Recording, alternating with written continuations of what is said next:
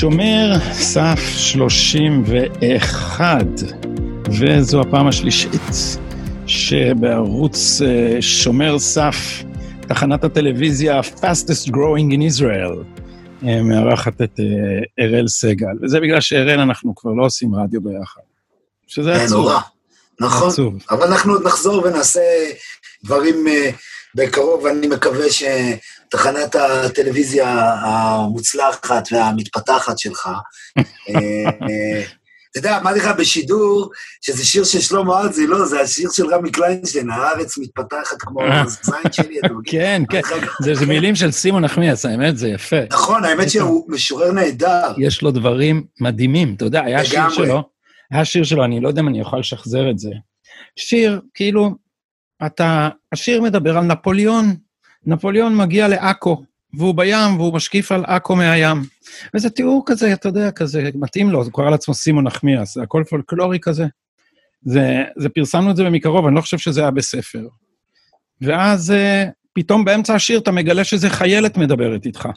והיא אומרת משהו כמו, יושבת מתחת לקרינולינה של השמשיות, וחושבת לעצמי, מי ייקח אותי, חיילת בת 20 בלי רחם ושחלות. אתה יודע, אתה כאילו, שיר כאילו נפוליאון, זה פתאום הוא מביא לך את זה, פתאום ילדה שהוציאו לה את הרחם. אני זוכר את ה... היה לו סדרת כתבות, הוא כתב על שהוא היה קונדוטור, טבח בצבא, בעיר אני חושב. אני כן, זוכר את זה כן. עד היום. טקסט מעולה, כאילו, אתה יודע, טקסט שהולך איתך, שאתה זוכר אותו, זאת אומרת, זה מסוג היהושע קנז, אבל אה, כאילו, אבל כאילו, אבל מצחיק, וכאילו, וש... לא יודע. שמע, אני פעם... הוא בהחלט כותב טוב. בשיחתנו הבאה, אני אעשה זה ואני אביא... אני אביא, אתה יודע מה, אני אעשה עכשיו פוז, אה, אני אמצא את הספר שלו עכשיו, אני לא אמצא. לא, לא, לא, בסדר, בוא נמשיך, בוא נעשה את זה חי, נעלה דברים. אבל לשיחתנו, לא, לא, אנחנו מקליטים כל הזמן, נראה, אתה יכול, כל לא, לא, ההוראות בימוי נכנסות פנימה. אבל אני אומר, נביא את השיר שלו, עד לדירלה דדה. היה לו, יצא שיר, אני סימון נחמיאס, יצא ספר, ופעם שהייתי רווק צעיר והייתי מתחיל עם בחורות, זה השיר שהייתי מביא להם בדאווין. את אללה דירלדה. רגע, איך אתה אומר סימון? סימון, אני סימון נחמיאס, והשיר נקרא עדה דירלדדה, אה, והוא על... אה, הוא מדהים, הוא מדהים. אני כמה שורות משם. ואלכסנדר דרמון, מלך משחקי החלל של רוגוזין, חזר הביתה אחרי שהפסיק את המשחק שלעולם לא ירוויח בו, אל אמו ארלט, שהכינה טפינה ועוד אני לא זוכר איזה משהו, שידעה שהכל בגלל אהבת השדרן האבודה, שאהב את ביתה, שאהבה מישהו אחר. משהו כזה השיר. אין, הוא היה לו חסד, באמת היה לו חסד. הנה, אבל פתאום אני קולט שהוא כתב את זה, שיר, אני רואה פה, אני סימון נחמי, אז פתאום אני מבין, הרבה לפני ארס פואטיקה וזה, הוא כותב, המשורר הלאומי של האשכנזים, חיים נחמן ביאליק שנא אותנו, את השחורים, את הספרדים, את המזרחים, ובכבוד הדר הורד והרגיש הזה לקבר. מה לעשות ואני אוהב את שיריו? ליבי נשרף למילותיו ולא סולח. הכניסיני תחת כנפך בן שרמוטה. אז כן. כאילו, אתה אומר, זה, זה כמעט עשרים שנה שמה, לפני. אבל בעצם... זה גם יותר מורכב, כי קוראים לו איתן גלס. סימון נחמיאס זה דמות, וזה גם, זה מזרחיות לבנטינית כזאת, אתה יודע, זה... זה, זה אה, מאלכסנדריה בשנות ה-30, זה כזה אוריינטליזם רומנטי. אה, איזה ימים אחרים, אה? ימים אחרים. כן, לא, אבל זה כיף, כאילו, אתה יודע, תחשוב עליי, תחשוב עליי. אני בשבועיים האחרונים מבלה עם תקנונים ומכרזים. זה בערך החומר הכי משעמם בהיסטוריה. באמת, כאילו, זה מסוג הדברים שכאילו... אז אני כאילו, אז, אז יותר כיף לדבר על נחמן, חיים נחמן ביאליק, בן שרמוטה, שאגב, מעניין לי באמת המיתוס הזה, שהוא אמר, אתה יודע, מה שהוא אמר על המזרחים, זה נכון, או לא שהדביקו לו את זה. אתה לא מכיר? לא. שכאילו אמר, יש כאילו מיוחס לביאליק, שהוא אמר, אני שונא את הערבים כי הם דומים למזרחים. כאילו? לא, לא הכרתי. יש לי הרגשה שזה לא נכון, אבל אולי... אני לא, תראה... זה פייק? לא, אבל זה, זה מעניין, כי תראה איזה גלגולים הדברים האלה עברו. הפוליטיקה של הזהות זה היה הקרדו של האליטה. זה קשקוש, זה לא היה בשם המזרחים. הפוליטיקה של הזהות זה היה הקרדו של האליטה נגד הלאומיות.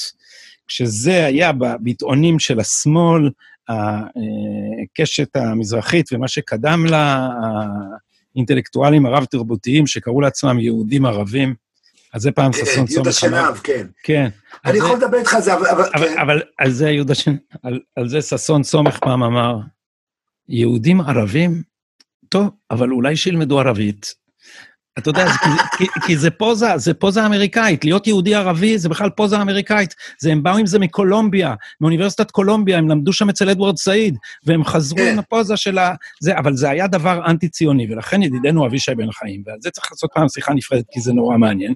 אבישי בן חיים עשה פה תעלול שאני אני, אני מעריץ שלו, אבל זה, זה סלטה באוויר מה שהוא עשה, כי הוא אימץ את הפוליטיקה של הזהות, כדי להסביר דברים שאני חושב שבהרבה מהם הוא צודק, את הנימות הגזעניות שהוא מזהה וזה, זה הכל נכון, אבל הוא אימץ את הפוליטיקה של הזהות והחזיר את הלאומיות דרך הפוליטיקה של הזהות. הפוליטיקה של הזהות הייתה מכשיר לפירוק הלאומיות, וזה לא מקרה. בעצם, אני חושב שאבישי בעצם ייחד את התיאוריה המפורסמת, נקרא לה, הוא התיאוריה המשולבת, בין uh, ארתור פיקלשטיין, שמעון פרס, שזיהו ב-96 את היהודים נגד הישראלים, יחד עם התיאוריה, גם עם, עם פוליטיקת זהויות, להבנה שיש גם, יש סוג של קורלציה בין האנשים האלה, בין האנשים האלה, ומעבר בין, ה, בין הצדדים בהזדהות המהותית. אבל רגע, אני חייב תיקון, הנה אני רואה כתבה של שמואל אבנרי מ-2003, ביאליק ועדות המזרח, אנטומיה של עלילה ועלבון שווא. האומנם מפיו של מי שהריץ את השבט הספרדי, אני קורא רק את הכותרת, ופעל במסירות לשימור מורשתו ולהחייאת יצירתו, יצאה האמירה המגונה, אני שונא את הערבים כי הם דומים לספרדים. אז, אה, אז ייתכן שבתוך הכתבה שאני לא קורא אותה עכשיו, כאילו לא, לא נספיק את הזמן, הוא באמת מוצא שהדבר הזה לא נאמר. אבל יש כזה, יש כזאת אמרה שמיוחסת לביאליק. וגם יש כזה סנטימנט. זה לא מפתיע. וגם יש כזה סנטימנט. ואתה יודע, וזה תראה, תראה מה קורה, רגע שנייה, תראה, תראה מה קורה עכשיו באסי. בנחל הזה, בניר דוד, בעצם מוציא את, בעצם את הסיפור כולו, את המוגלה, וגם יוצר מצבים כאילו שהם כמעט אבסורדים בשינו, בתפיסות. פתאום השמאל, השמאל הסוציאליסטי, השמוצניקי, ניר דוד זה שמוץ, זה לא מפאיניקים, שמוץ שמוץ. פתאום הם מדברים על זכות הקניין, על רכוש פרטי, על זכות אבות, מורשת. לעומת זאת, הימין פתאום מדבר על פתוח לכולם, שוויון וכולי. אז זה מדהים, ובסוף הכל מתכנס, אם אתה לא... מס... אתה מתכנס בדיוק לשסע הדתי-זהותי שיש במדינת ישראל. ולעלבון גדול שאני ואתה לא מכירים, כי לא חווינו אותו מעולם. קודם כל, אתה קצת מכיר, כי, כי השבט שלך גם uh, ספג uh, התנשאות מזה, ודרך אגב, עכשיו כן, עוד יותר. כן, אבל עדיין תסתכל עליי, אני, כאילו, איך אני נראה. שוב, יש הבדל אם אתה מישהו שחום עור מבית שאן עם שם, מזרחה, שם משפחה מזרחי, מרוקאי, בדרך שבה החברה הישראלית מסתכלת עליך. אתה ראית, היה סרטון של אחד הקיבוצניקים, אומר להם, מה אתם עשיתם בצבא? לא עשית פרזיט, כאילו, מאיפה אתה יודע, מה אתה... אבל המהירות שהוא אומר את זה, זאת אומרת, זה ההתכה, זה העלבון. ואני לא אהבתי את זה. מה זה זכות אבות? וזה, כש, כשזה היה, כשהסנטימנט הזה היה באליטה, אני מזכיר לך שהאליטה שבאליטה, זה בימים שהייתי מסכים על כל מיני דברים עם דני גוטווין, אז הניתוח של דני גוטווין של הדבר הזה אמר, האליטה מפרקת את הסולידריות הישראלית על ידי הפוליטיקה של הזהות. ומה שהם עשו זה לעצב מזרחיות שהיא לא אותנטית למזרחים בארץ, אבל שהיא מתנגדת לציונות. אז סמי שטרית, בכלל, נתתי את זה לסטודנטים עכשיו באיזה מבחן. סמי שטרית כתב באיזה מקום, ציונות, ציונות, ציונות. תפסיקו למדוד כל דבר לפי הציונות האשכנזית הזאת, שאתם כופים עלינו. אנחנו בכלל, אתם אה, אה, גזלתם את זהותנו בעזרת הציונות. וכל מיני, עידית זרטל כתבה טרקטט שלם איך הביאו את, ה, את יהודי המזרח רק בשביל שיהיו אה, שואבי, אה, חוטבי העצים ושואבי המים, וזה לא נכון. למה זה לא נכון? מפני שבמובן הזה אבישי צודק, הם היו ציונים. זה, וכשאתה מסתכל על, על הכוח הפוליטי הזה, שפעם, אתה יודע, אני הייתי מהצד של האשכנזים, אתה יודע איך זה הפחיד אותי? אני הייתי, בירושלים, במקומות שהייתי מסתובב, הייתי יכול לחטוף מכות כי אתה אשכנזי. אז אני, כשהייתי רואה אוטו עם מדבקות של הליכוד, אמרתי, איך זה מאיים עליי? כאילו, איך זה יבוא? ואני הייתי הולך למקומות, פעם היו אה, משחקי חלל, לא היה במחשב, היית צריך ללכת. כן, אני זוכר את זה, ליד קולנוע, אורנוע, אוריון, שמה... ליד, נו, שבין שמאי ליהודה. כן, והיה... שם כן, מכיר, הייתי יושב שם שעות. וליד קולנוע עדן, היה את הירידה הזאת למטה. כן. והיה, אז עוד היו מעשנים שם. אז אני הייתי, חשבתי שאני גבר-גבר, כשהייתי בן 16, ישבתי שם על המכונה, ככה היו שמים, שורפים את הקצה של המכונה עם הסיגריה, ושם את הסיגריה ככה ומשחק עם הזה, אני יושב על כיסא של בר, ובא מאחורי איזה ארס, ואומר לי, תביא, תביא כדור. היו אומרים כדור על החללית. אמרתי לו, למה, מה קרה? בום! עם הכיסא, עפתי לרצפה, כדי שאני אזכר שאני לא, לא בליגה. אבל היה, והיה, אז אתה יודע, הלכתי עם חבר להפגנה, ש, ל, ל, עם חבר, התכסינו במדבקות של הליכוד והלכנו לשמוע את בגין בגיל 17, בכיכר מלכי ישראל, בואנה, וזה, עם החינוך שאנחנו קיבלנו, זה היה מפחיד, אמרנו, ישחטו אותנו, כאילו, אם מישהו פה י, י, יקלוט מי אנחנו, אז, אז הלך עלינו. אז הסנטימנט הזה, אבל היה לאומי. עכשיו שמספרים לך שכפו את האשכנז... את הציונות על המזרחים, בואנה, הציונות מתפוררת אצל האליטה, ומי שמחזיק אותה זה האנשים האלה, ואבישי צודק בעניין הזה. תראה, אני ראיינתי, אגב, מר סמי שלום שטרית כינה אותי ואת קלמן ליבסקין חלאות אחרי רעיון שערכנו עם אורלי נוי. כשדיברנו עם אורלי נוי, היא דיברה על כמה התיאוריה של אבישי לא נכונה, וכמה הפגנות מחאה וכולי, ואז שאלתי אותה, אבל תראי, אבל אתם כישלון מוחלט, כי אם את בודקת מבחינה מספרית, רוב המזרחים מצביעים עבור מפלגות הימין, ואתם השארתם איזה 15 אינטלקטואלים, שהמצאתם לכם איזה, איזה מושג שלא היה קיים בהיסטוריה מעולם, כן. של ערבים יהודים, כי זה לא היה קם, כי יהודי המזרח בידלו את עצמם בכוונה, לא, לא חלו עליהם כל החוקים. לא משנה שגם הסביבה בידלה אותם, אבל אני אמרתי, אני, אחד הדברים הוודאיים, שהיהודים הערבים האחרונים נשחטו בחייבר. היו יהודים ערבים, שבטים בדואים בתקופת מוחמד, אבל אינם עוד כי מוחמד חיסל אותם, בין אוקנוקה ובן נזיר וחייבר כמובן, שהם צועקים תמיד, אתה רואה בהפגנות, חייבר, חייבר, יא יהוד, ג'ש מוחמד סעוד, זאת הממלכה היהודית הערבית האחרונה. ומאז אין ערבים יהודים. מה, מה ערבים, המרוקאים, כן? הם מדברים, מה, הם ערבים? מה, מה ערבי במרוקאים? הם מדברים ערבית מרוקאית, אבל היהודים המרוקאים תמיד בידלו את עצמם בערבים המורכאים. אז לכן זו המצאה שהיא קשורה, אתה יודע מה? זו המצאה אמריקאית. לדעתי במורה הרוחני, לא, לא רק באדוארד סעיד, גם בעזמי בשארה, ולכן לא מעט מהאנשים האלה תומכים בבל"ד.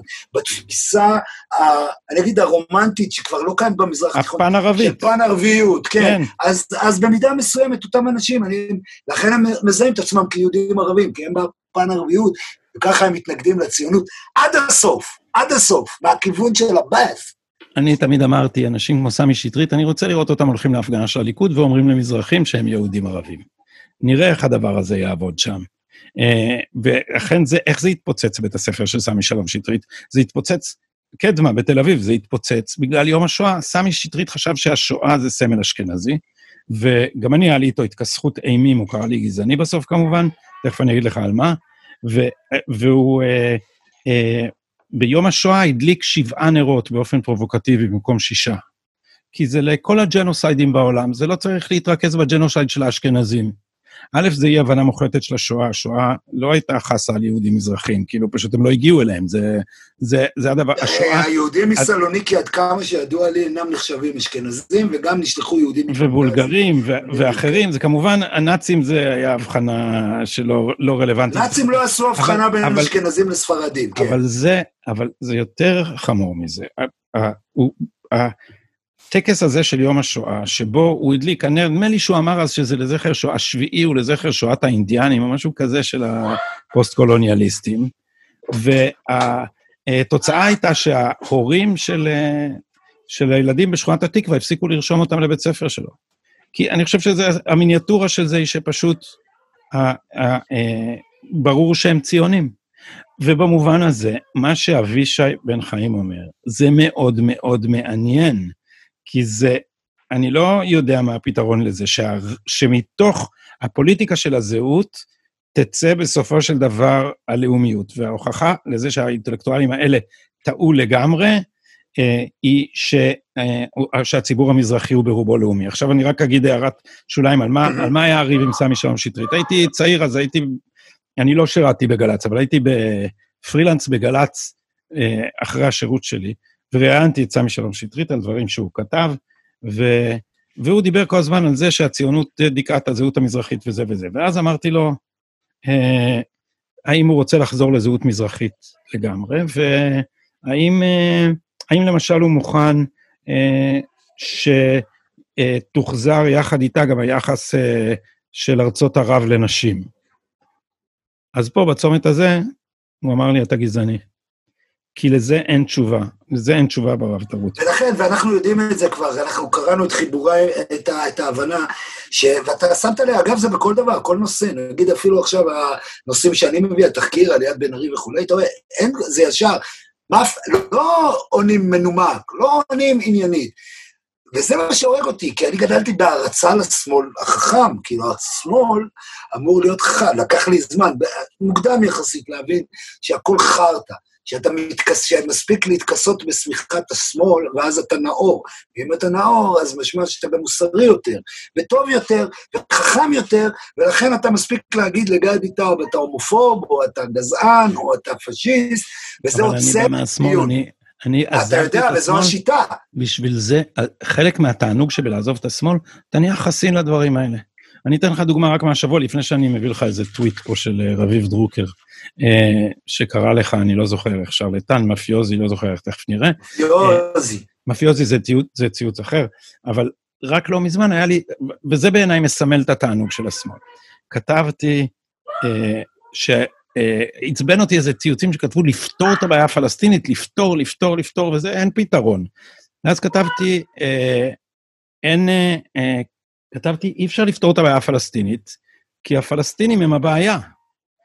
ואז כמובן, ועידת ואן זה הפתרון הסופי, מה הוא אמר? הנה הוא מטריל את הרייך השלישי, כאילו, כאילו, אה, אי אפשר להגיד משהו שמזכיר משהו, כי בשמאל, זה, מכיוון שזה התרוקן מתוכן, אז זה הרבה יותר חשוב להישמע נאור מאשר להיות נאור. עכשיו, כשאתה מסתכל על הציוץ, הוא ממש, אתה יודע, דגדג לי להרגיז אותם עם זה. זה כמו שאני אוהב להגיד, להתחיל את המאמר הראשון על ניידים ונייחים, התחלתי עם מרין לפן.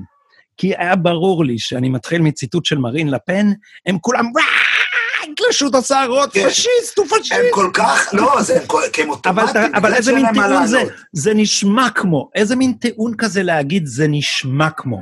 מה זה חשוב אם זה נשמע כמו? אז מישהו כתב, אה, תחליף את הפלסטינים ביהודים, וכמו מה זה נשמע לך? ואז אתה אומר, אה, אוקיי, בוא נחליף את צה"ל בוורמאכט, ואז איך זה נשמע לך? ובוא נחליף את uh, כנס uh, שדרות בוועידת ואנזה, ואיך זה נשמע לך?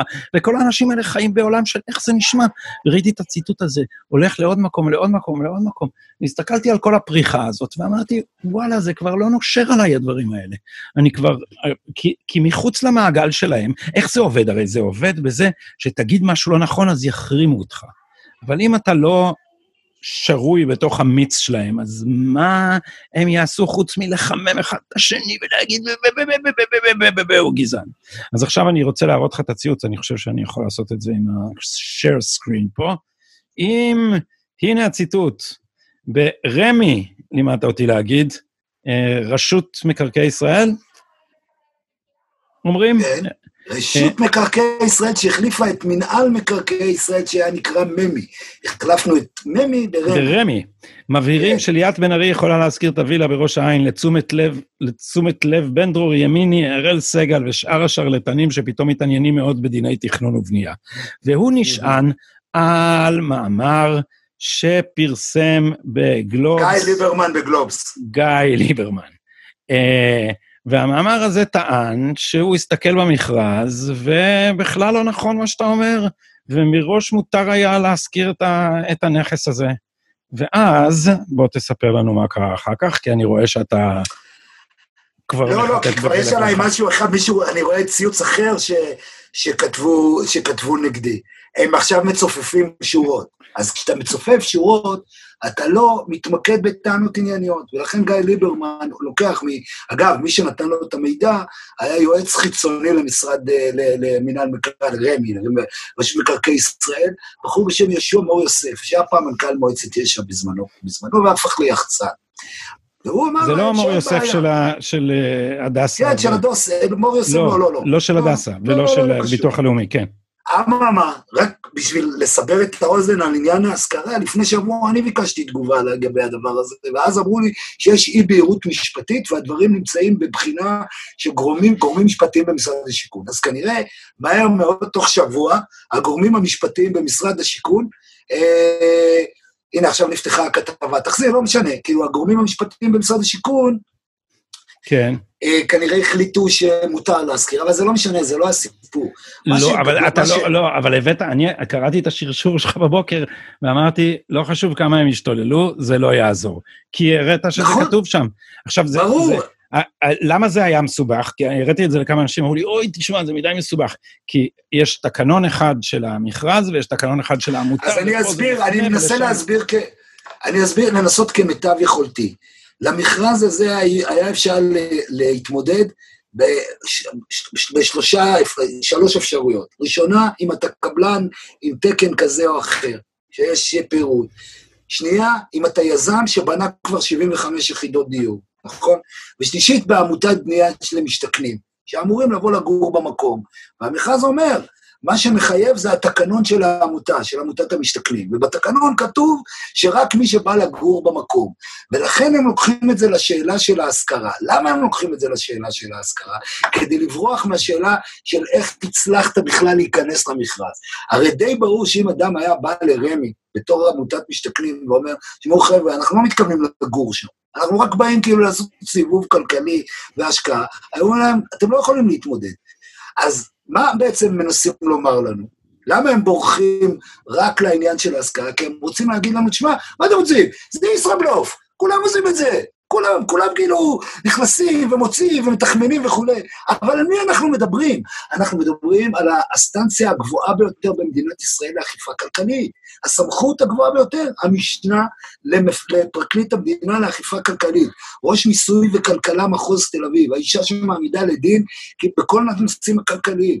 היא ישבה בוועדה לטוהר המידות בשלטון המקומי, והיא, אני לא מדבר על עבירת הפיצול וכולי, אני מדבר על הדברים הללו, אתה בא ואומר, אלוהים אדירים, איך אתם, לפחות תבואו תגידו, תשמעו, כל כך חשוב לנו אה, להעמיד את, ולא שזה קשור להעמדה של נתניהו לדין, כי הוא יעמוד, גם אם היא לא תהיה, יהיה תובע אחר. אני לא, אני לא עושה את זה אה, כי אני חושב שאם יורידו אותה, אז הכל ייפול. מה אתם מפגרים? מה אתם חושבים? אתה יודע, אני שומע רכילויות, כן? הם לא מעזים לומר את זה. יש גורמים שטוענים ש... חוקרים פרטיים מזינים אותי, וזה די מעליב, כי אתה יודע, כי להוציא נסח טאבו, או להזמין מרשם המשכונות דברים, עשיתם לי, אני לא צריך חוקר פרטי לשלם לו מאות דולרים כדי לעשות דברים שכל אחד יכול לעשות והם חוקיים. הכל מידע גלוי, הכל לפנינו.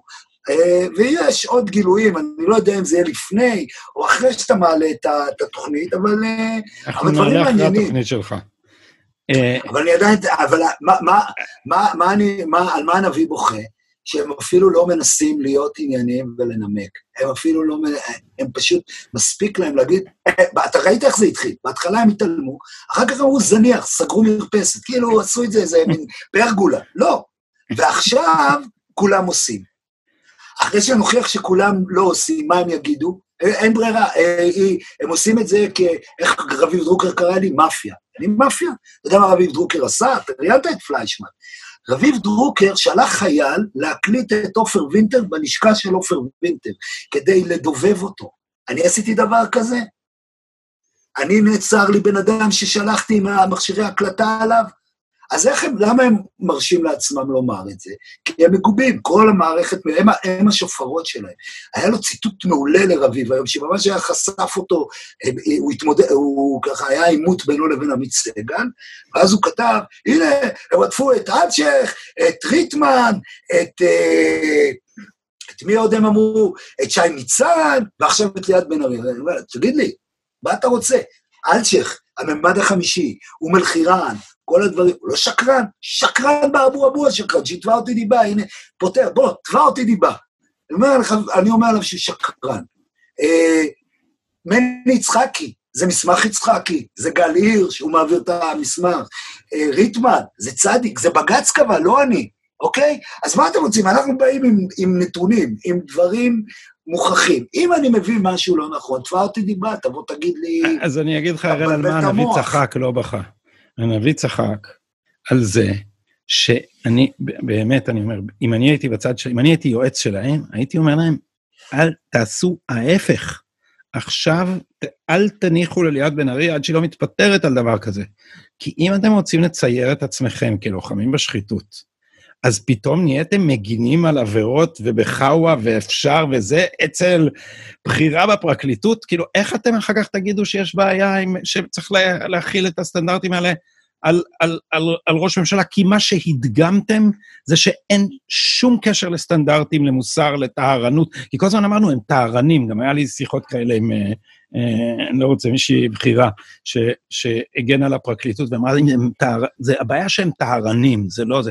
אבל הם לא טהרנים, הם לא טהרנים כשזה רות דוד, הם לא טהרנים כשזה ניגודי עניינים בבית המשפט, ועכשיו שהם עשו את זה כל כך... אתה יודע, קראתי את הציוץ של עמית, זה כמעט היה מצחיק. הוא אומר, אפשר, אפשר להתאבד על להגן על ליאת בן ארי או לא, הוא לא אמר להתאבד, הוא אמר איזה משהו אחר. הוא אומר, זה עניין של טעם, אבל זה היה כאילו, אתה יודע, את כל האירוניה הקטלנית של עמית במשפט אחד. כאילו, אתם עכשיו חשפתם את ערוותכם, כי זה כל מה שאנחנו אומרים כל הזמן. אין פה מלחמה בשחיתות. יש פה ניסיון של המערכת המשפטית להכניע את המערכת הפוליטית. ולכן כשאנחנו אומרים לכם שבמערכת המשפטית יש שחיתות, אתם לא מבינים על מה אנחנו מדברים. ולמה אתם לא מבינים? כי זה בכלל לא הפוקוס שלכם, זה בכלל לא המלחמה שאתם נלחמים. המלחמה שנלחמים פה זה להמליך את בני האור על בני החושך, והתירוץ זה השחיתות. אז בדיוק, כתבתי על זה. אתם רוצים להגיד שאני טועה בזה? אתם רוצים להגיד שאני טועה בזה? אז להפך, תהיו קפדנים גם עם הפרקליטים. אז להפך, רביב דרוקר, גליקמן, אה, כל חבורת העיתונאים מסביב, אה, גור מגידו, אה, כל דה מרקר וכל השאר, היו צריכים להגיד, אנחנו לא מוותרים בשום אופן לאף אחד במערכת המשפטית על שחיתות. ככה אם אתם רוצים להיות משכנעים. אבל איך נפלתם בפח? כאילו, מי, מי, מי, איזה תכנון טקטי כזאת? אז בגלל זה אני אומר, אראל, אני מסתכל ואני רואה... מעליבים אותך וצועקים וזה, ואני אומר, ניצחת בוויכוח הזה. ניצחת בוויכוח הזה. אה, אגב, אני לא שם עליהם זין, כן? סליחה על השפה הבוטה הצרפתית, כן? בשביל זה יש פודקאסט, אפשר להגיד מה שרוצים, כן. כאילו, לא מעניינים לי את הביצה, לא זה, אני כאילו ממשיך ככה. אני, אתה מכיר אותי, אני כמו חמור עקשן, פרד וחמור, ולא יודע, תוסיף איזה עוד חיה שאתה רוצה, אני הולך קדימה, אני רואה את הדברים בעיניים, ואני אמשיך לעשות. אז מעניין אותי מה הם אומרים, המטונף, כאילו באמת, הם יטיפו לי מוסר. אגב, אני כמוך, אני גם כן, בדיוק כתבתי על זה השבת, הסיפור, איך עברתי מקונספציה לקונספירציה, מה הכוונה? כל הזמן, היה לי תקופה ארוכה שחשבתי שמדובר בקונספציה, שהם טועים, שזה נראה להם, ולכן הם בונים את כל התיקי נתניהו וכולי. ככל שעבר הזמן הבנתי שזה לא קונספציה, זה קונספירציה, זה ממש, הם מכוונים לשם. כל המערכת עובדת כדי לסלק אותו. אגב, הם היו מעדיפים בלי משפט, הם היו מעדיפים שהוא היה נכנע ובא ואומר להם, טוב, תנו לי עסקת טיעון, ותאמין לי, הם היו לוקחים עסקת טיעון, הם לא רוצים לעמוד שם במשפט, הם לא רוצים לנהל את המשפט. אבל אני אגיד לך מה שאני כל הזמן חושב שיש מעבר לזה, וגם ה... אה, הרצון שלהם להכניע ולמדר ולהחליש את ישראל השנייה כפוף לזה, יש מטרת על. ומטרת העל לשיטתם היא טובה, אה, וזה שהם חושבים, תראה, הם גדלו לתוך תפיסת עולם שאומרת שהסכנה הכי גדולה לציונות זה דו-לאומיות. ואני אומר לך שיש שם אנשים שחוש... שהם הולכים לישון בלילה, הם אומרים, לא חשוב איזה חטאים אני עושה בדרך להורדת נתניהו, אבל נתניהו הוא האיש הכי אפקטיבי בחיסול שתי המדינות, ומוכרחים להציל את הרכבת הציונית מהתהום. זה, לכן אמרתי כל הזמן, אם היה צריך את התת-הכרה שלהם לנסח במשפט אחד, זה נתניהו מושחת, כי אם לא, אז תהיה לנו מדינה דו-לאומית. עכשיו... אני חושב שזה מעבר לזה, אני חושב שזה מה? הרבה מעבר ל... ל, ל אני חושב שזה, הרצון הזה, הנוסטלגי, השקרי כמובן, כמו כל נוסטלגיה, לחזור לארץ ישראל הישנה והטובה של פעם, שהכל היה ברור, מי הטובים, מי הרעים, איך מדברים... וזה התנאי לחזור לשם. זה התנאי לחזור לשם. כדי לחזור לגן העדן האבוד, שוב, תראה, יש פה מעלה, אם אתה מסתכל באופן, מה שנקרא, יותר עמוק, אני אשתמש פה בתיאוריית העבד וה, ורצח האב של חברנו דרור הידר אוהב להתעסק בה. המקום, המקור היחידי לזהות, לזהות היום לישראלי החילוני האשכנזי, שהוא, שהוא לא בוחר ב, ב, בזהות היהודית, הוא לא מוכן להתכנס בתוך הזהות היהודית, שיש בה, אתה יודע, היא קשה, יש בה הרבה, אני, אני, אני, אני יכול להבין, כשאתה שם את זה בדיסוננס לעומת מה שאתה רוצה להיות בעולם. אז כדי להיות יותר דומה לעולם המערבי כמו שאתה רואה אותו, אז אתה רוצה לחזור למקום היחידי של זהות, והזהות היא הזהות שלפני 77. לא משנה שהכל שקרי, לא משנה שהערבי עד 66 היה צריך לקחת פתק מהמושל כדי לצאת מהכפר. זה, אנחנו לא מדברים בעובדות, אנחנו מדברים ב... בסימבוליות. עד 67, כן. כן, 아, לא, אני אומר, עד 66 הורידו את זה. אגב, מי שנלחמו היו מפ"ם וחירות, אבל אני, הרי, הרי אתה רואה את הקורלציה בין ההצבעה לבין נתונים עדתיים ותפיסת עולם, נקרא לזה. אבל, אבל אל תזל... אבל, אבל הדבר הזה מתמקד ומתמצא בחרדת האפרטהייד. עכשיו, הטיעון הזה הוא פשוט התרוקן לגמרי מתוכן. הוא התרוקן לגמרי מתוכן, אה, אה, כי, כי פתרון שתי המדינות, הם, הם לא מבינים כמה הוא ירד מהפרק. אבל יש איזה, איזה אה, נוסחה טהרנית. אתה יודע, אני ישבתי עם, עם, עם אדם מאוד רציני, אני מאוד מעריך אותו, היסטוריון מאוד חשוב. והוא אמר לי, ואמרתי לו, שתי, פתרון שתי המדינות מת. אז, אז הוא אמר לי, אז מה אתה מציע? אמרתי לו, אני לא, אין לי פתרון, אבל מה שאני שואף אליו זה שיהיה אוטונומיה. אז הוא אמר לי, אוטונומיה בשטח של מי? אמרתי לו, אוטונומיה בתוך הגבולות שלנו. אז הוא אמר לי, אז זה אפרטהייד. ומבחינתו, ראיתי, אז נגמרה הציונות. זה חוסם את הדרך. ארץ ישראל היפה ההיא, היא גם דמוקרטית, היא לא חשוב שהיא לא... כן, אבל בסוף ייכנס, ואז אתה, ואתה לא אהבת את הטיעון הזה. כי אני אמרתי, גם את הטיעון על חוק השבות. באת לי, אתה לא אוהב שאנחנו אומרים להם שחוק השבות הוא חוק גזעני.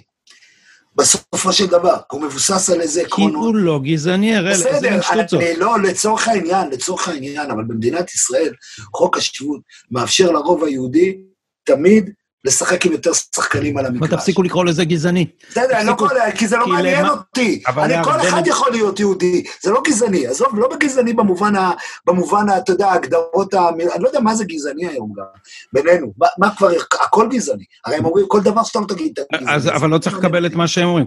לא, אני לא מקבל, אני רק אומר, לפי ההיגיון הפנימי שלהם הם טועים. כי הרי בסופו של דבר השותפים הטבעיים שלהם, זה, זה, זה הציבור הערבי-ישראלי, הם אומרים את זה היום, היום יותר ויותר בשמאל, מה שנקרא הציוני, זה, הם מרגישים יותר, הם אמרו את זה, ואז מה יקרה? ואז אתה תצטרך לעמוד, נניח ת, תקים שתי מדינות לשני עמים, תפנה את כל המתנחלים ותהיה בתוך מדינת ישראל. אתה מדבר עם העם משותפת, החזון שלהם זה מדינה חילונית דמוקרטית, אז אני לא מצליח להבין ממה הם מפחדים. החזון שלהם זה מדינה לאומית ערבית נוספת, זה לא, לא דמוקרטיה עם מקפצה. אבל מזלנו הרב שרוב רוב, רוב הציבור הישראלי לא נמצא בעמדות הללו. אנחנו רואים היום אה, לפי הסקרים שהמועמד השני אחרי נתניהו לראשות הממשלה המוביל זה בנט, אפילו לא לפיד. תראה, תיקח את הדוגמא, למרות שיש הרבה דברים לפעמים גם קצת פתטיים לא יכול להגיד לך שזה משמח אותי.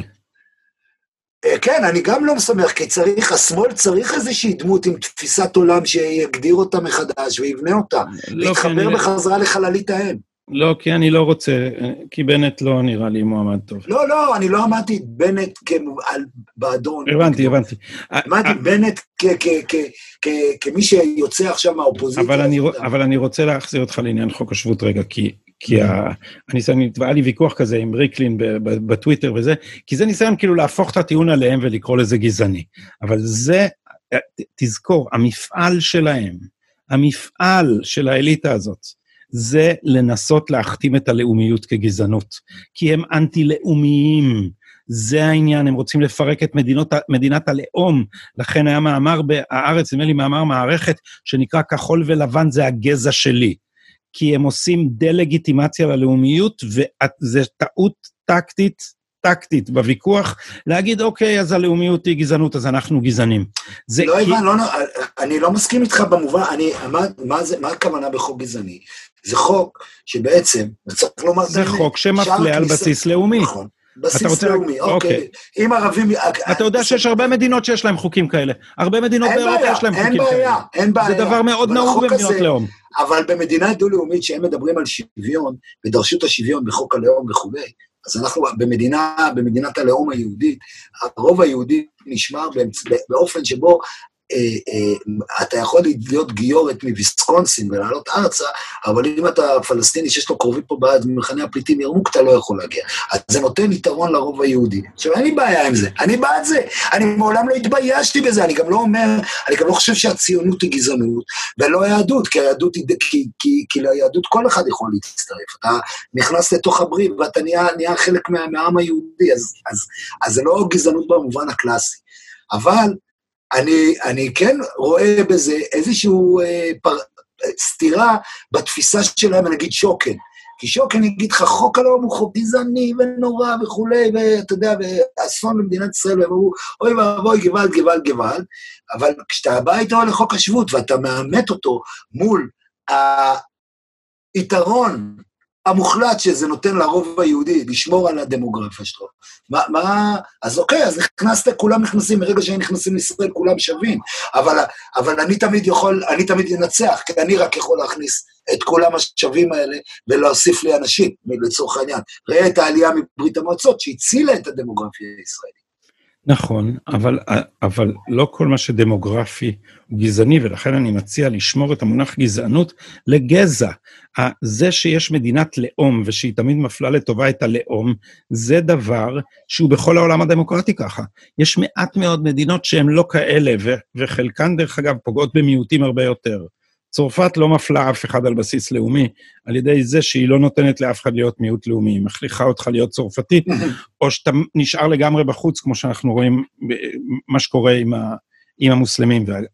וליחס למיעוטים זה לא, אה, זה לא הנושא שלנו כאן, אבל איחוד אירופה ישב וכתב מסמך שנקרא אה, אמנת המסגרת להגנתם של מיעוטים לאומיים, וזה מסמך מאוד דומה למגילת העצמאות של מדינת ישראל, ומאוד שונה מהאמנציפציה באירופה. כי מה הייתה האמנציפציה באירופה? מה הייתה הבעיה של האמנציפציה באירופה? האמנציפציה באירופה אמרה, אני מצטט, זה מהמהפכה הצרפתית, מהאספה הלאומית. אני לא זוכר את, את, את שמו של ה... אה, נדמה לי, הכומר שאמר את זה, ליהודים כיחידים הכל, ליהודים ככלל ככלל לא כלום. זאת אומרת, אין זכויות קולקטיביות לאף אחד בתוך, בתוך אה, מדינת הלאום. מה שישראל עשתה, זה לא... ואז זה יצר בעיה איומה ליהודים, כי הם לא יכולים לשמור על הזהות שלהם. כי תכניס ילד ליהודי בבית ספר גרמני, ואז הוא צריך להיות גרמני כמו כולם, אין לו דרך לספר בסיפור יציאת מצרים, נכון? או לשמור שבת. נכון. אז, אז, אז מה, מה עשה, עשתה הציונות? כי כל הזמן אומרים, השמאל הקיצוני אומר, אנחנו עשינו לערבים פה את מה שעשו באירופה ליהודים. עשינו אותם מיעוט לאומי מופלה בתוך מדינת לאום. אז זה לא נכון, כי מה שעשתה מגילת העצמאות זה היא נתנה לערבים גם זכויות קולקטיביות, ולא אוהבים להגיד את זה עכשיו, ובחוק הלאום מתרחקים מזה, ובכל מיני מקומות מתרחקים מזה. אבל זה ככה אנחנו מתנהגים, כי לערבים יש אה, אה, מערכת חינוך במימון המדינה בשפה שלהם. מגילת העצמאות מקנה זכויות קולקטיביות, חוץ משוויון אזרחי ומדיני כתוב שם, זה לא יודע, מדיני זו מילה מאוד לא מוצלחת שם. גמור, כתוב חופש דת, לשון, חינוך, מצפון ותרבות. חוץ ממצפון, כל הזכויות האלה קולקטיביות. ומה הן מאפשרות לעשות?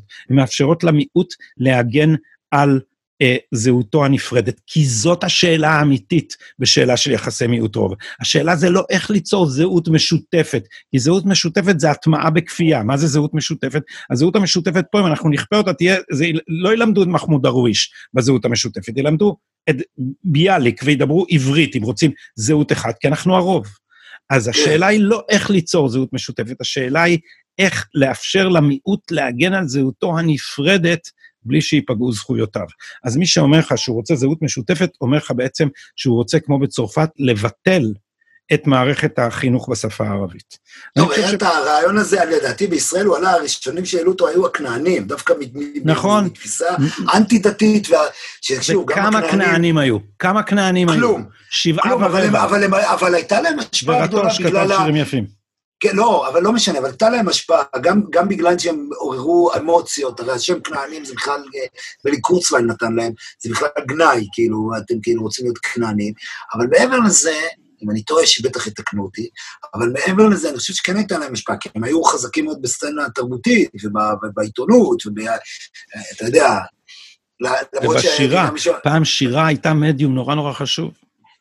עכשיו, וזה גם, היה לי, אבל זה גם ברור, זה בתוך איזה, גם כן, גם, וגם זו נוסטלגיה לעבר אה, לא קיים, איזו עבריות שלא הייתה, אתה יודע, מין, מין, אה, מין, מין מחשבה כמה אנחנו, אנחנו קרובי משפחה של חניבל, וכולנו ביחד. וכולנו כמו הבדואים, ואנחנו נעשה ככה עם האל. אז, אז, וכל אלה, מי שאמרו את זה היו פולנים, למרות שאהרון אמיר הפולני, או הרוסי, היה לו חטא ועין, והוא דיבר עברית וערבית אה, מרשימות ביותר. אבל הם היו גם כן, זה גם סוג, אתה יודע, אני לא, בא, אני לא מסכים עם אדוארד סעיד, אבל לפעמים יש לו דברים, זה גם כן היה סוג של, כאילו, אתה יודע, אוריינטל, גם ההערצה הזאת, הרוסובית לפרא האציל מהמדבר, היא, היא כאילו, היא מגוחכת. אז אנחנו חיים בעולם, בעולם מגוחך, עם מלחמות שבטים בתוך מדינת ישראל, ש... מרפררות, או איך שתקרא לזה, או, או, או מתכתבות עם סכסוכים ישנים, ותמיד אתה רואה שבסוף זה אותן קבוצות, הם כאילו מתקבצים, זה כמעט, הן רק מחליפות לפעמים, פעמים הולכים מכות על כלכלה, ופעם הולכים מכות על... אה, אבל בסוף, בסוף זה משהו ב... ב אולי ב-DNA השבטי שלנו. לא יודע, אני כאילו, אני... אני מסתכל על, ה, אני מסתכל על הדברים, על ה, אני מסתכל על ההתרחשות, אתה יודע, מנסה ממבט ציפור לראות מה קורה כאן, ו... ואולי... לפחות אני מבין, מה? אולי אלה פרפורי גסיסתה של אליטה, שגם הזהות שלה מתערערת, כי אתה מסתכל, מה נשאר ממנה? בחייאת דינק. אה, אדון... רק לא אה, ביבי. אדון ברק... תחשוב שאתה... לא, אבל כאילו, מה מייצג אותה? כאילו, אתה... ארץ ישראל היפה זה הנהנתן הזה ממגדלי אקירוב? לא, ש... ארץ ישראל היפה זה אלה שבאים ואומרים לה, אתה יודע מה אתם באים לעשות לנו פה מימון, אתה מבין? תראה מה זה עשה בשמאל. תראה איזה מלחמת עולם יש עכשיו בשמאל, בין כל מיני פעילי שמאל מזרחיים, שנעלבו נורא, ובצדק, מה, מה, מהתגובות, כי השמאל, אפשר לומר השמאל, אתה יודע, אבל כאילו, המחנה הזה אימץ את ה... אימץ את ה... אימץ את. רובו אימץ את העמדה של הקיבוץ. אה, אז אתה מבין שבסוף זה לא החלוקה ימין, שמאל, יהודה ושומרון, מדינה פלסטינית וכולי. בסוף, בסוף, יש פה שבטים. בסוף, אני לא יודע, אבל... אני, אני, האליטה היא לא, היא, היא, היא, מכיוון שהיא, היא, אתה יודע מה, היא שבט, היא שבט דמוגרפי, אבל בעיניי כן. היא גם מעמד כלכלי, היא, ו, ואתה יודע שהמונח החביב עליי בהקשר הזה, זה ניידים, מפני שהדבר שמגדיר אותה בסוף זה אנטי-לאומיות, כי הלאומיות היא בעיניה אטביסטית ושבטית, והיחס שלהם לדת, זה הם מסתכלים על האנשים האלה, וזה נראה להם אנשים פרימיטיביים, זה נראה להם אנשים שאיך, אתה יודע, ברמה הכי מטומטמת, של, אני לא רוצה להזכיר פה שמות, כי יש כמה עיתונאים שאני מתווכח איתם על זה בטוויטר, ואני כאילו, זה... אנשים שבמאמר של 300 מילה מבטלים את הדת כאיזה אלה עם החבר הדמיוני, אתה יודע, כאילו... כן, כן, אוי, זה נורא, זה כאילו... אבל הם מאמינים בזה, אבל זה הפטרנליזמוס. זה כאילו, יש איזה... זה נאורות ש... הידרדרה לסיינפלד. נאורות אינסטנט, נאורות סלפי, נאורות, נאורות של אפילו לא, אפילו לא הספקת לקרוא את כל הערך בוויקיפדיה. זה נאורות על פרש. למה היא נאורות על פרש? אבל היא משוכנעת שהיא נאורה, אראל. כי אתה לא יכול, כי אתה לא יכול להתעסק, אתה יודע, כאילו, אתה תחשוב כמה, כמה, כמה, אם אתה לא ריצ'רד דאוקינס, אני יודע, ברמה, גם, גם הוא מבלבל לפעמים את המוח. אתה מתחיל, אתה כאילו, אתה מבטל את הדת בציוץ, כאילו, אוקיי, נו, בסדר. או אתה מבטל את החשיבות שלה לחיים האנושיים, למשמעות האנושית וכולי. תראה, אנחנו גם, אמרתי את זה, גם אמרתי לך את זה כבר כמה פעמים, אנחנו גם באירוע פסיכי. נתניהו פשוט משני הצדדים, האמוציות, רמת המחויבות של שני, זה בלתי נתפס, הוא כאילו, אתה יודע, אני, אני, זה, זה מסקרן אותי להיות ההיסטוריה, לחשוב איך, מה, מה ההיסטוריונים יכתבו על זה בעוד 50 שנה על התקופה הזאת. 50 שנה מה, לא יותר. וואלה. איך הם יראו אותה. אני, כי יש לי, יש לי אותן אה, מחשבות על איך זה יקרה באמריקה, כי יש לי חברים מהשמאל הלא מטורלל באמריקה, ואני שומע אותם מדברים על טראמפ, ותשמע, זה אותו דבר. זה, זה תופעה פסיכולוגית. זה לא תופעה אידיאולוגית.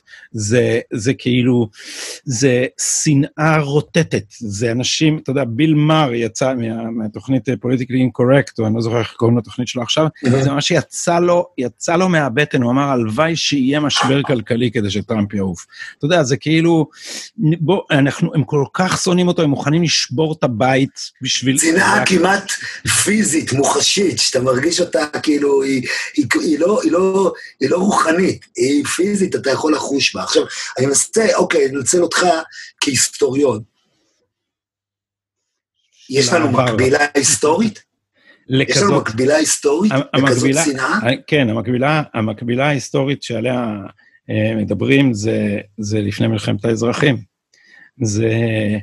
אה, אה, כשמסתכלים מה כתבו שני הצדדים האלה, שזה אחד הדברים הנורא מעניינים זה לראות מה כתבו בעלי העבדים, כי אנחנו כל כך רגילים, וכל כך ברור לנו, ש... ובצדק, שעבדות זה עוול נוראי וכולי.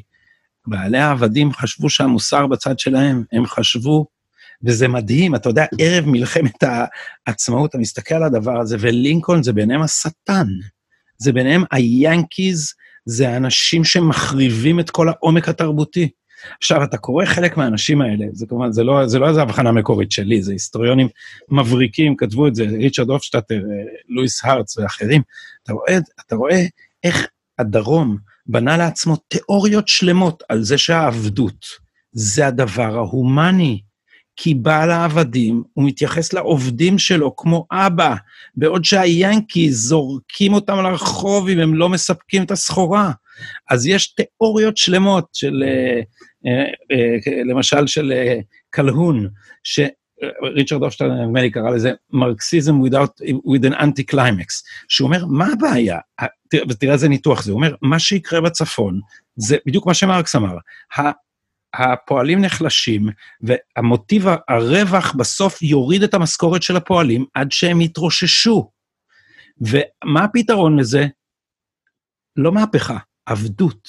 למה? עבדות תשמור עליהם, תציל אותם, תאכיל אותם. אבל תקשיב באיזה אלגנטיות הוא עשה את זה, רק שזה כל כך מטורף, שאתה מסתכל על זה מהצד, אתה אומר... אבל הוא אומר, אה, עבדות, בעל העבדים, הוא מרכז את האינטרסים של ההון והעבודה ביחד. כי ההון שלו זה העובדים. העובדים זה רכוש, הוא לא יפגע ברכוש שלו. הקפיטליסט ירמוס את העובדים, כי הרכוש שלו זה המכונה, והעובד זה כלום. לעומת זאת, בעל העבדים, הוא יידחף להיות הומני, כי הוא לא יפגע ברכוש שלו. אנשים יתייחסו לזה ברצינות. אז עכשיו האנשים האלה אמרו, אנחנו הומנים.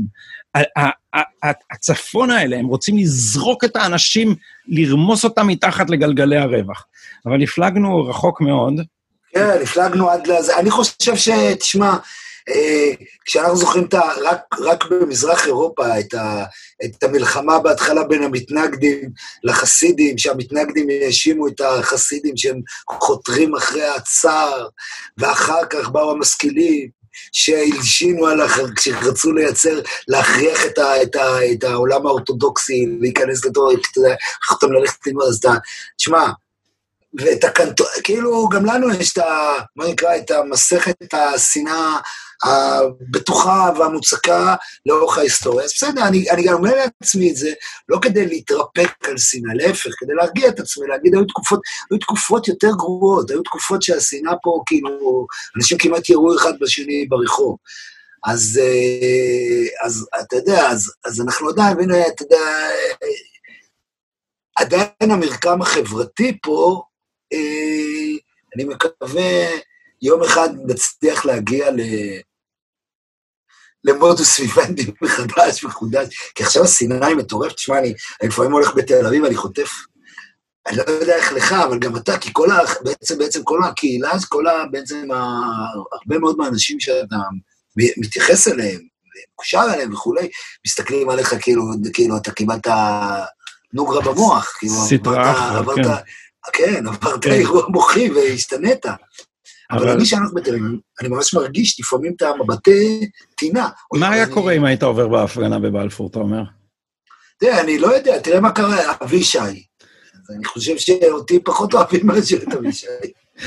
אבל אני... אבל אני לא חושב שצריך ללכת, אני חושב שזה לא לעניין, כאילו, ללכת להתגרות כדי שיתגרו בך, זה לא פה, לא עניין של מבחן, הייתי כבר בהפגנות כאלה, האווירה לא טובה, מזהים אותי, ואז אתה יוצא, זה כאילו, אתה רואה את הפנים של אתה יודע, לא, את הפנים של מי שאתה שונא בתוך ההפגנה, כאילו, נציגו של ביבי עלי אדמות. זה, יהיה וואחד לא, לא סגירת. מעגל אם אני אשים על עצמי חולצת קריים מיניסטר ואלך לשם, להפגנה, כמו שהלכתי עם מדבקות של הליכוד, ל... ל אבל יזהו אותך, אולי בעצם ממסכה, ככה תשים מסכה וזה. אה, כן, מסכת קורונה. כן, מסכת כן. קורונה, ותראה, תשמע... או מסכת אנטיפה. עוד אני יותר. ראיתי, כן, אני רואה שהם, תראה, ירד, הכמות יורדת, כן, אני חושב, אבל, אה, אבל זה לא, אבל מראש, אתה זוכר, דיברנו, זה לא רציני, כי אין לזה שום, אין לזה שום פילטר, או לא פילטר, אה, משפך פוליטי למשהו, שאתה יודע, שהוא מעבר, כאילו, לחרטבונה ברחובות, אתה מבין?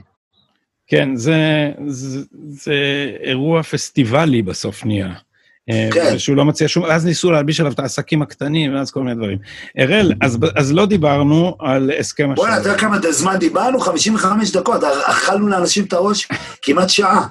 זה היתרון בפודקאסט, אתה לא רוצה... אבל אתה צריך, אתה חותך אה, קטעים עם קטעים מסוימים לא, לא יש פה מה לחתוך. פעם שעברה שהיה וגלשנו לאיזה נושא אחר, וזה חתכתי באמצע איזה רבע שעה. עכשיו אין מה לחתוך. לא, אני אומר, אפשר לחתוך, אני שואל, כאילו, שואל את זה עריכה. אה, אם להוציא קטעים בזה... תגיד אם יש איזה קטע טוב שתראה את זה, ואתה תדע להגיד מה טוב, מה לא. שווה, אתה יודע. להוציא אותו. אני... כן, להוציא אותו כאילו כקטע קצר, שיראו את זה. אני אדבר על זה, אני אדבר על זה גם עם רותם. מה אתה אומר כותרת? איך אתה, מה, איזה לא כותרת? לא יודע, זה היה אקלקטי, כאילו, לא נפגשנו הרבה זמן, וזה הייתה שיחה, תשמע, לא היה פה איזה... הכותרת, לא נפגשנו הרבה זמן. כן, זה, זה כאילו, זה הפורפליי, לפני, לפני הדבר האמיתי. כן, אבל יום אחד אה, ששוב תהיה לנו תוכנית ביחד, אז יהיה, את כל, יהיה, מה, ש, יהיה, את כל מה ששפכנו פה נחלק למנות ובכל... אה, בכל תראה, אנחנו חייבים, אני גם חושב שחייבים לייצר שיח על מה שקורה בארצות הברית, אבל ברור, כאילו, לספר את זה מההתחלה עד הסוף, יכול להיות שאני צריך לראיין. אתה מדבר, על, אתה מדבר על אובמה גייט. כן, כן, עוד, עוד, לחדש, ולהוריד את זה לקרקע, כי חוץ ממך, אני חושב, ואולי קצת גלעד צביק, אף אחד בישראל לא, הם לא מקבלים את זה, התקשורת לא מעבירה את הסיפור, לא, לא, לא קיים. לא מאמינים, מה שהם אומרים, וכשאתה בא, וכשאתה בא, אני אמרתי את זה ל... ל... אני לא רוצה להגיד את שמו, לא יפה, אני דווקא מחבב אותו, אבל הוא עושה חדשות חוץ, ו... ואז אתה אומר להם, הם אומרים, אבל אה, מה אתה מדבר? אבל באמת הייתה התערבות רוסית בבחירות, ודוח מולר כתב שהוא לא הוכיח ולא הפריך שטראמפ קשור לזה. לא הוכיח ולא הפריך. זה, הסיסמאות האלה, אתה יודע מאיפה הן באות? הן באות מ-CNN, מהניו יורק טיימס, שחיפשו איזה דרכים, אה, כמו ש... מה אתה מתבלבל? תראה מה קוראים לי, אני מבין. להקליש את הפדיחה. מה? לפחות לא אומרים עליך שאתה מפיוזי. אבל אומרים עליי שזה תיאוריות קונספירציה הזויה, שאני ימני הזוי וכל מיני דברים כאלה. Uh, מר סגל, השעה עכשיו היא 11 בלילה, אנחנו כן. נעלה את זה uh, מחר ביום, אני אבקש שזה יעלה אחרי התוכנית שלך, שמי לא, לא שרוצה... לא, אין, אין, לא, אל תדאג, זה הכל סבבה, כי... כן, לא, אבל, אבל יונה ישן, זה כבר לא ילך להעלות את זה הלילה, אתה יודע, מלבישים לי את האות וכל מיני דברים כאלה. אה, אז אה, אה, בוא נקבע להיפגש בקרוב שוב. בוודאי. כמה שאתה אומר, אולי אפילו בשבוע הבא. מעולה. אז בינתיים... אני מאוד נהנה. אני רק כן, אתה יודע... כן, כן, ואמרתי לך את דעתי על פודקאסטים, ועכשיו מאזינים, אה, אמרו לי להגיד משהו בסוף הפודקאסט, אז אני אגיד ברשותך קרדיטים עכשיו פה בסוף, אבל זה, זה דעתי על הפודקאסט מזמן. כשיש שיחה שנהנים ממנה, הדבר הזה כשלעצמו, זה מה שעובר. עכשיו היתרון של פודקאסט הוא, אתה יודע, אנחנו לא כופים על מישהו שעות שידור. מי שרוצה ישמע קטע, מי שרוצה ישמע קטע אחר, אנשים שומעים את זה בספוטיפיי בזמן שהם רצים, אנשים שומעים את זה... אז בוא נבטיח גם משהו אחר. בואו נבטיח משהו, גם פודקאסט, בלי מילה על הפוליטיקה הישראלית והאמריקאית, ספרות, תרבות, ספורט, כל מיני, ספורט, כל מיני. ספורט, כן. בדיוק, כן כאילו זה, כן כאילו, תן, אולי בלי חולצות. אז אה, מה שאמרו לי להגיד בסוף הפודקאסט זה שאתם מוזמנים לעשות מינוי, אתם מוזמנים לעשות מינוי בספוטיפיי, ביוטיוב, אתם יכולים לעשות מינוי באייסטור, בכל מקום שיש פלטפורמת פודקאסט, אנחנו זמינים באודיו ובווידאו, איך שאתם אה, לא רוצים. ובזאת נאחל זה לזה לילה טוב. לילה טוב. בזאת תמו שידורנו לערב. בזאת תמו שידורנו לערב. זה פסוקו של יום. עכשיו יש את התקווה. אה, לא, קודם, פסוקו, פסוקו. קודם פסוקו. קודם פסוקו. אחרי זה היה תקווה? אני לא זוכר, אבל פסוקו אני זוכר ממש טוב. פסוקו בטח עם האצבע. כן. יאללה. לילה טוב. סלמת. ביי.